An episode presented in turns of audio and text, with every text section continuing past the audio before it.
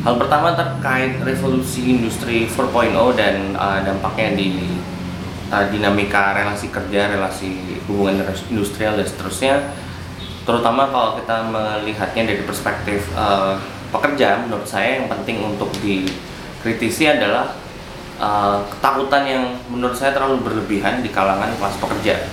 Terutama pada saat uh, kita semua rame rame-rame mengatakan bahwa pekerjaan kita diambil oleh robot, pekerjaan kita diambil oleh mesin, oleh komputer, algoritma dan seterusnya. Yang menurut saya, saya akan bertanya, bukankah hal itu hal yang bagus pada saat kita me, pada saat kita pada saat pekerjaan-pekerjaan kita diambil oleh robot. Artinya apa? Kita nggak nggak perlu lagi bekerja, kita nggak perlu lagi susah payah bangun jam 8, pulang bekerja, bang, pulang jam 5 dan seterusnya.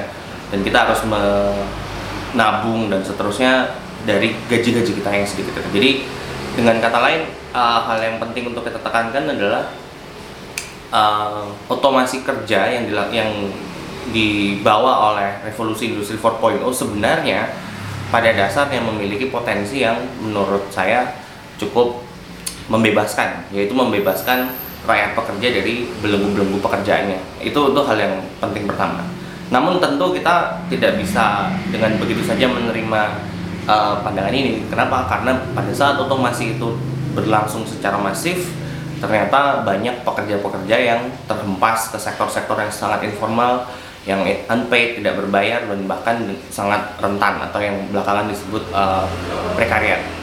Nah ini yang yang harus kita pertanyakan tanpa kita harus mendiskon atau tanpa kita harus mengkorting kenyataan uh, yang liberatif dari uh, revolusi industri 4.0. Nah, kalau kita melihat kembali bagaimana kita bisa mendapatkan aspek pembebasan dari revolusi industri atau revolusi teknologi dalam kaitannya dengan uh, kerja, maka kita perlu melihat apa sih yang uh, bisa kita lakukan untuk bisa merebut uh, agenda dari otomasi ini.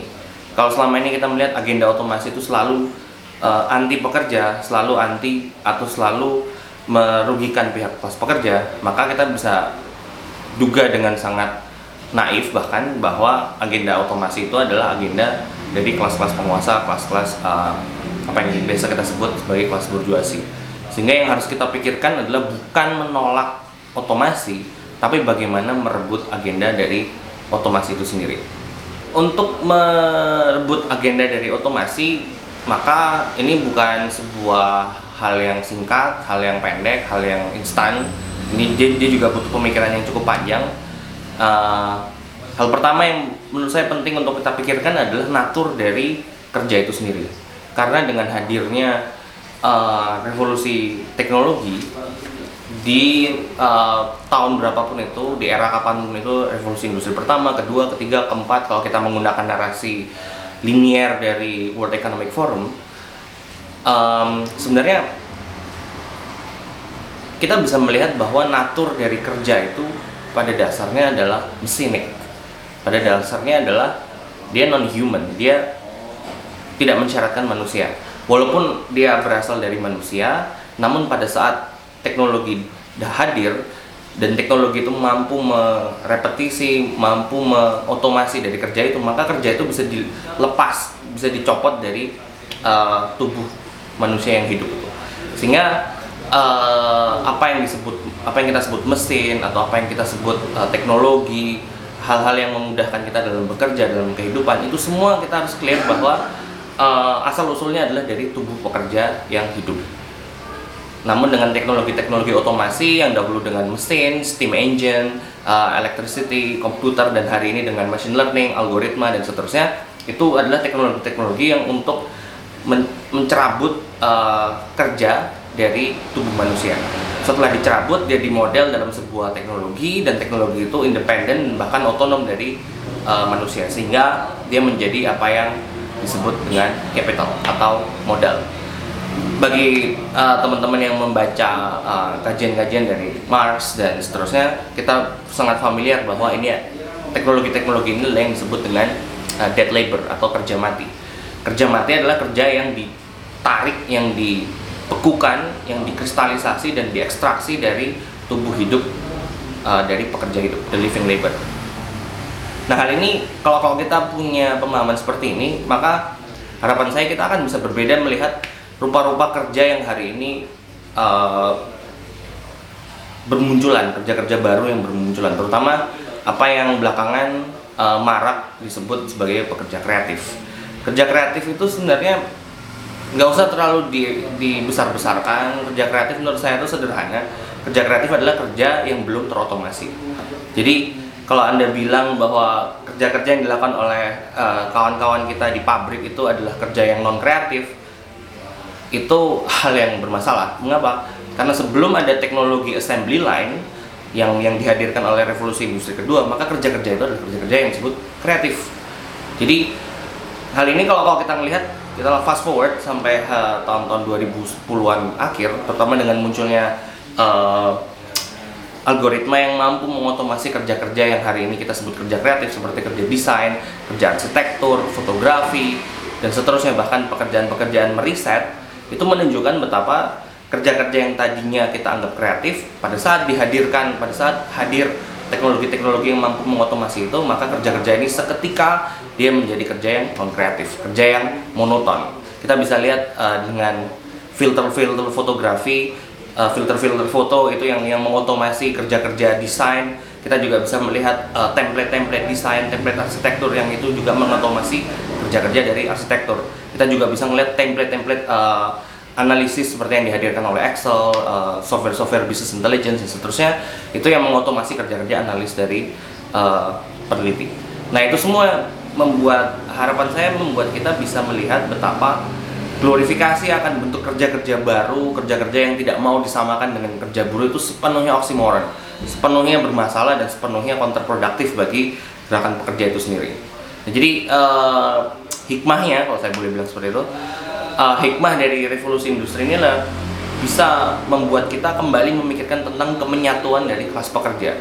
Nggak ada kelas pekerja terpisah-pisah karena sektor-sektornya dan seterusnya. Karena pada mulanya kita semua adalah kerja-kerja hidup yang pada saat tertentu diotomasi oleh teknologi-teknologi. Sehingga ketimbang kita bertanya atau ketimbang kita meributkan bagaimana mempertahankan pekerjaan kita, which is itu penting untuk kita diskusikan juga untuk untuk kehidupan kita sehari-hari hal terpenting yang per perlu untuk kita diskusikan adalah bagaimana caranya kita merebut teknologi ini, bagaimana kita menguasai secara pengetahuan, secara akses, secara kepemilikan terhadap teknologi-teknologi yang mampu mengotomasi kerja ini. Sehingga pada saat otomasi kerja itu dilakukan, hal itu bukan membuat kita malah semakin terdeprive, semakin uh, terpojokkan, terhempas ke dalam uh, kondisi yang rentan, yang tidak punya pekerjaan dan tidak punya penghidupan, melainkan itu membuat kita terbebas dari kerja dan akhirnya kita bisa melakukan hal-hal yang baik untuk masyarakat bersosialisasi, berserikat, berkooperasi, baca sastra, baca filsafat dan seterusnya.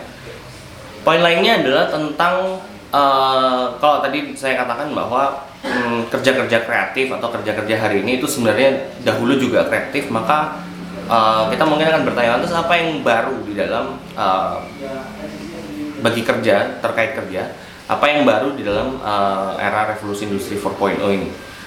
Nah, bagi saya hal yang baru justru sangat-sangat jarang kita diskusikan dan saya pun masih melakukan uh, kajian-kajian uh, lebih lanjut tentang ini. Tapi yang menarik adalah bagaimana uh, kerja itu sendiri berubah dan bahkan bukan hanya kerja tapi melainkan siklus dari kerja, siklus produksi itu sendiri yang berubah dengan dengan hadirnya Uh, teknologi-teknologi uh, 4.0. Kita harus clear dulu apa yang kita sebut teknologi 4.0 itu tidak semata-mata komputer.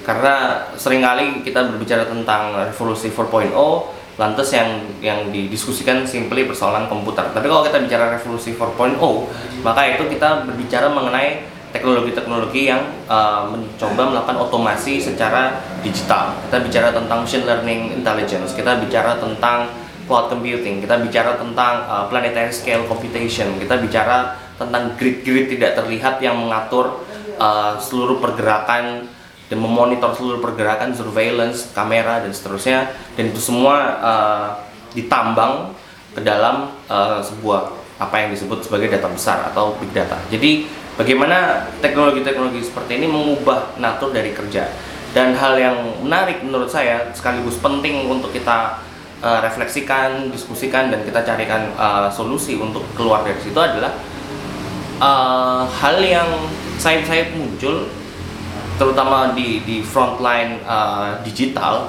itu adalah uh, bergabungnya atau mergingnya um, kerja, capital dan raw materials. Sehingga pada saat ini penting pada saat kita bicara tentang digital labor contohnya. Pada saat kita bicara tentang digital labor tidak seharusnya yang dimaksud dengan digital labor itu hanyalah orang-orang yang bekerja di agensi-agensi yang menggunakan teknologi digital. Bukan persoalan, bukan hanya persoalan janitor yang ada di perusahaannya Elon Musk misalkan. Tidak bicara tentang uh, staff-staff di Googleplex dan seterusnya. Tapi kalau kita bicara dari tentang digital labor, maka kita melihat bentuk baru dalam produksi nilai, produksi komoditas yang terjadi di dalam realm, yang terjadi di dalam uh, matra digital.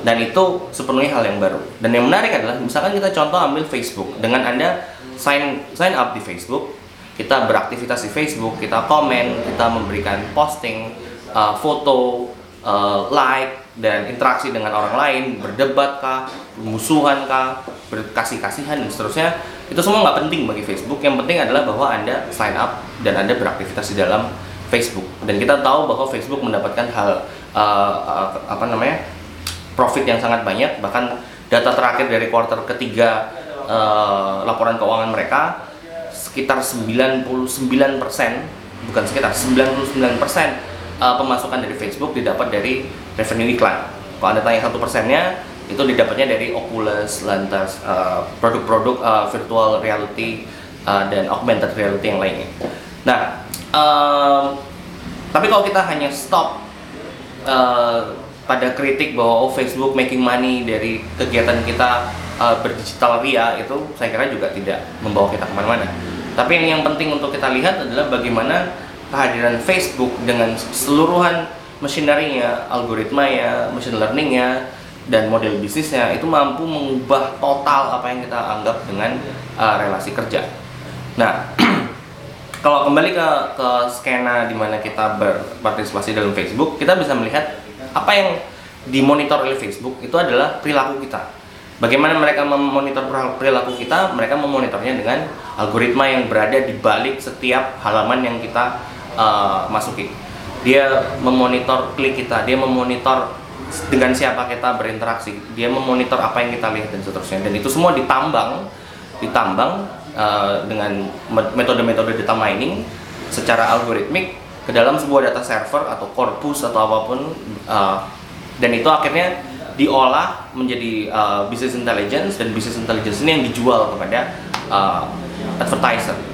Mungkin benar uh, kalau rekan-rekan sekalian ingat apa uh, pidato bukan pidato um, pada saat Zuckerberg dipanggil oleh Senat dan dia berkatakan bahwa kami tidak menjual data itu anda harus mengamini itu. Karena memang dia tidak menjual data tapi kita harus clear.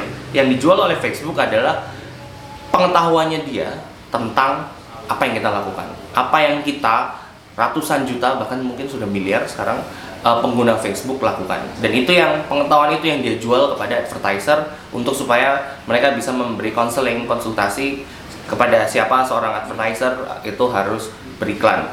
Di lokasi mana geografi mana gender seperti apa perilaku seperti apa dan seterusnya. Jadi uh, Facebook mendapatkan uh, profit dari pengetahuan akan uh, tingkah laku kita di sosial media dan itu didapatkannya melalui teknologi-teknologi uh, uh, 4.0.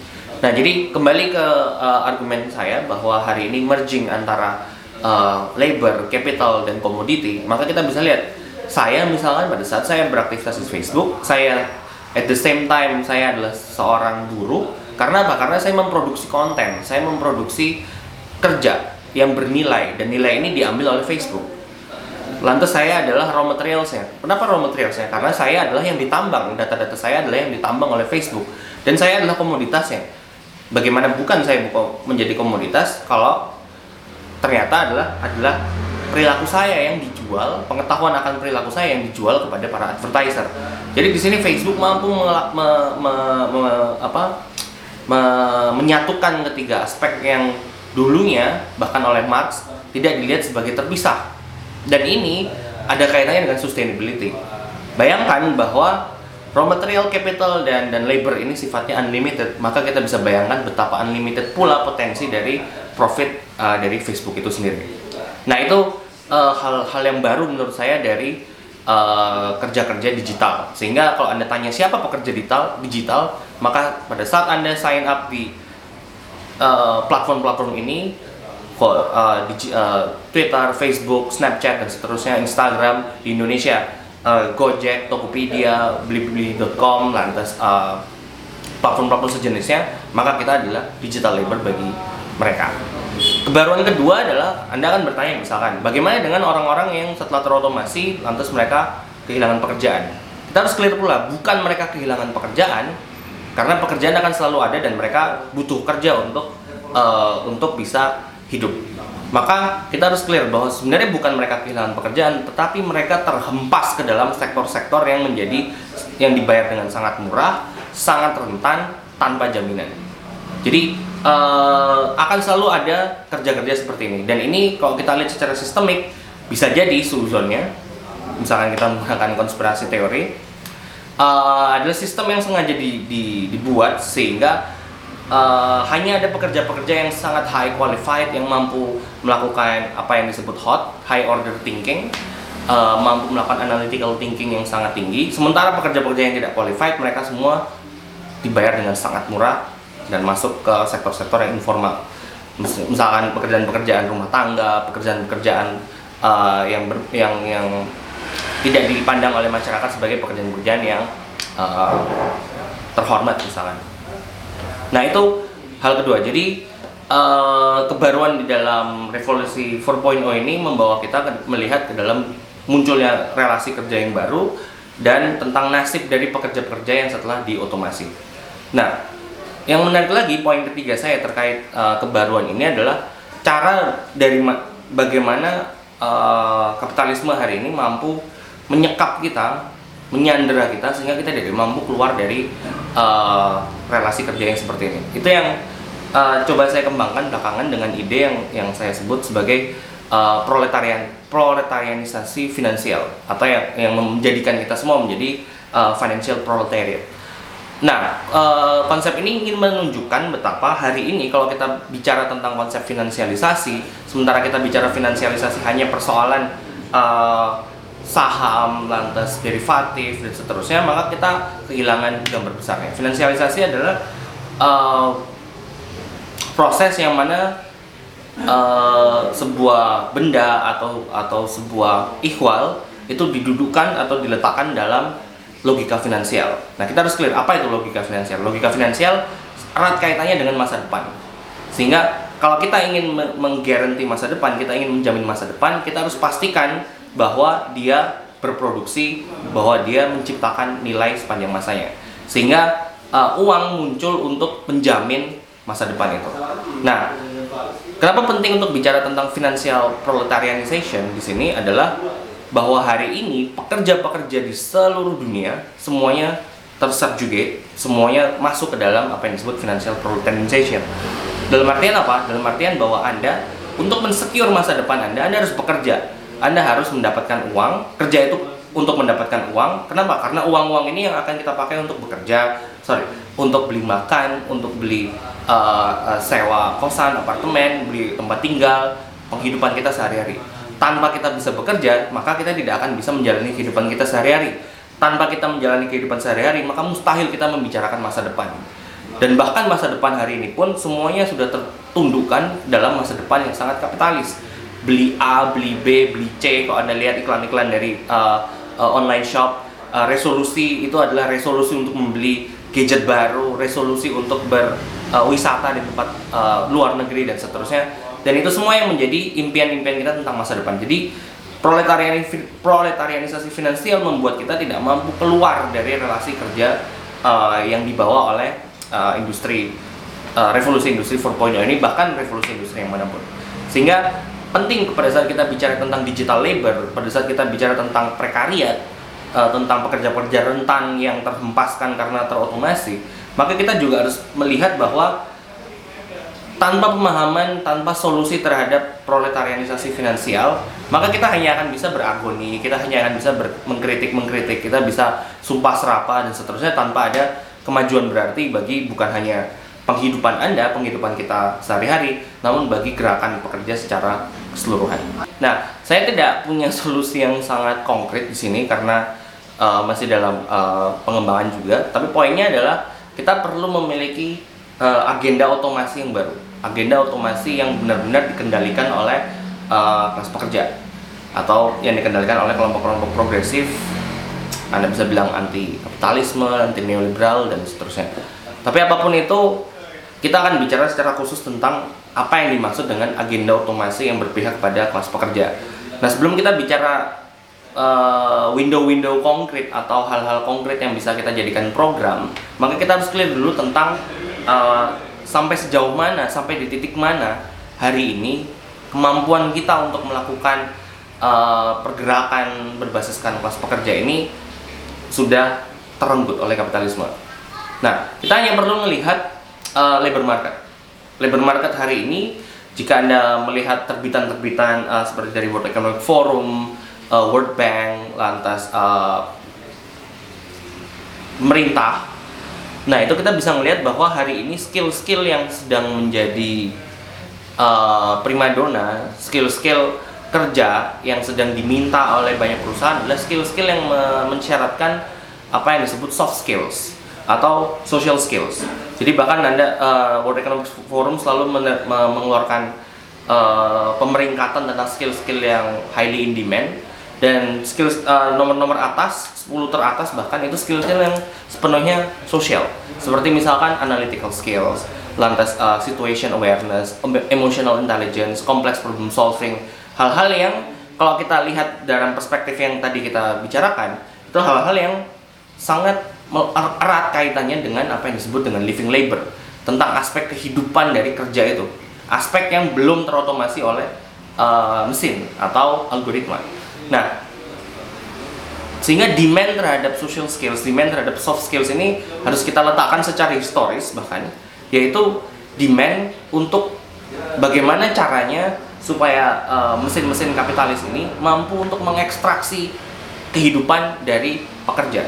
Pada saat kerja-kerja monoton, kerja-kerja yang muskular, kerja-kerja yang uh, bisa yang yang monoton yang sudah bisa terotomasi ini sudah mereka kuasai, sudah berada di genggaman tangan mereka, berterima kasih kepada teknologi-teknologi 4.0. Yang mereka belum kuasai adalah teknologi-teknologi soft skills, teknologi yang mampu mengotomasi kapasitas-kapasitas sosial kita. Nah di sini saya nggak tahu kapan uh, perkembangan teknologi itu mampu 100% merenggut itu semua dari tubuh hidup manusia, manusia pekerja.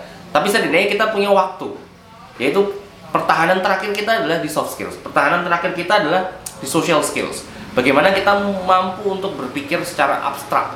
Bagaimana kita penting untuk kembali mengembalikan filsafat, mengembalikan humanities, mengembalikan teori sehingga kita penting untuk mengetahui hal-hal teknis hal-hal yang yang sangat-sangat uh, keseharian tapi juga menjadi sangat-sangat krusial untuk kita mengembalikan ber, cara-cara berpikir yang sangat struktural yang abstrak yang kompleks dan seterusnya. Tapi itu satu hal. Hal lainnya adalah pada saat kita mampu mengorganisir soft skills ini social skills ini kapasitas-kapasitas abstrak dari pemikiran manusia ini yang membuat kita menjadi living labor. Dan gak hanya sekedar dead labor yang terotomasi atau uh, menurut uh, Carl Sederstorm misalkan the living dead living dead labor uh, pekerja-pekerja zombie yaitu adalah gimana kita bisa mengorganisir ini ke dalam sebuah kolektivitas yang punya program, punya strategi, punya perencanaan yang ujungnya akhirnya adalah merebut semua teknologi-teknologi uh, yang mampu mengotomasi tubuh, mengotomasi kerja-kerja yang muskular, kerja-kerja yang uh, laborious tadi. Nah ini yang yang yang menjadi penting untuk kita uh, dudukan, diskusikan secara uh, bersama. Sehingga tanpa tanpa kita melihat uh, apa ya titik-titik yang mampu kita uh, selamatkan, titik-titik yang mampu kita organisir, maka mustahil kalau kita untuk memiliki agenda otomasi yang keluar dari uh, kapitalisme ini, kapitalisme 4.0 ini. Sehingga uh, selamanya kita akan terjebak dalam narasi umum yang yang selalu digembor-gemborkan oleh guru-guru manajemen pemerintah oleh uh, ababil-ababil startup yang selalu mengatakan oh kita berada di era disruptif uh, disrupsi ekonomi, disrupsi industri, disrupsi teknologi, disrupsi sosial dan itu semua mereka uh, nisbatkan karena kehadiran teknologi 4.0 dan kita tahu bahwa disrupsi ini selalu ada pada saat uh, teknologi itu diperkenalkan, teknologi baru diperkenalkan. Sehingga apa yang tidak disruptif di dalam teknologi 4.0 ini adalah bahwa kenyataan bahwa kita selamanya selalu bergantung pada relasi kerja ini. Bahwa kita selamanya adalah objek untuk diekstraksikan kerja-kerja hidup kita di tangan teknologi-teknologi yang dikendalikan oleh segelintir orang. Dan kenyataan-kenyataan yang sangat primitif bahwa itu semua selalu didasarkan pada relasi-relasi yang sangat primitif kekuasaan eh, modal yang besar dan relasi-relasi kultural yang di uh, kapitalisasi menjadi uh, metode atau tools untuk menundukkan kelas-kelas pekerja sehingga um, pada saat kita mampu memahami ini lebih jauh dan kita mampu mencarikan solusi uh, uh, perencanaan yang lebih jauh kita hanya dari itulah kita bisa mulai berbicara tentang uh, agenda otomasi yang baru yang mampu kita uh, kendalikan sendiri. Nah, dengan memahami hal-hal yang konsisten, hal-hal primitif yang tetap konsisten ada sekalipun teknologi-teknologi ini semakin baru, semakin mutakhir dan semakin canggih, kita sebenarnya bisa melihat bahwa apa yang disebut uh, disruption 4.0 ini sebenarnya bukanlah disruption, tapi dia adalah sebuah distraction. Distraction untuk mengalihkan perhatian kita kepada robot, kepada mesin, kepada coding, kepada uh, hal-hal uh, yang sifatnya canggih, mutakhir, teknologik, uh, gadgetry dan seterusnya dan akhirnya kita menjadi jauh dalam melihat kenyataan konkret realitas sosial bahwa kita adalah pekerja-pekerja yang tidak punya masa depan.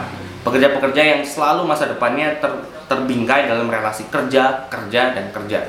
Dan itu yang akhirnya membuat kita harus menurut saya kembali berpikir tentang bagaimana pada saat kita sudah tahu bahwa ini adalah distraksi lantas fokus perhatian kita kita harus kembalikan. Fokus perhatian kita harus kita kembalikan bukan lagi semata-mata untuk mempertahankan kerja, mempertahankan kehidupan minimal yang yang hasil dari belas kasihan dari bos-bos kita, melainkan adalah bagaimana kembali meletakkan kembali agenda kelas pekerja yaitu merebut seluruh sarana-sarana produksi yang memungkinkan kita sama sekali tidak memerlukan kerja, yang memungkinkan kita sama sekali tidak memerlukan relasi upah, relasi-relasi yang berbasiskan dominasi dan seterusnya. Dan di situ adalah saya kira uh, tujuan akhir dari gerakan pekerja itu sendiri.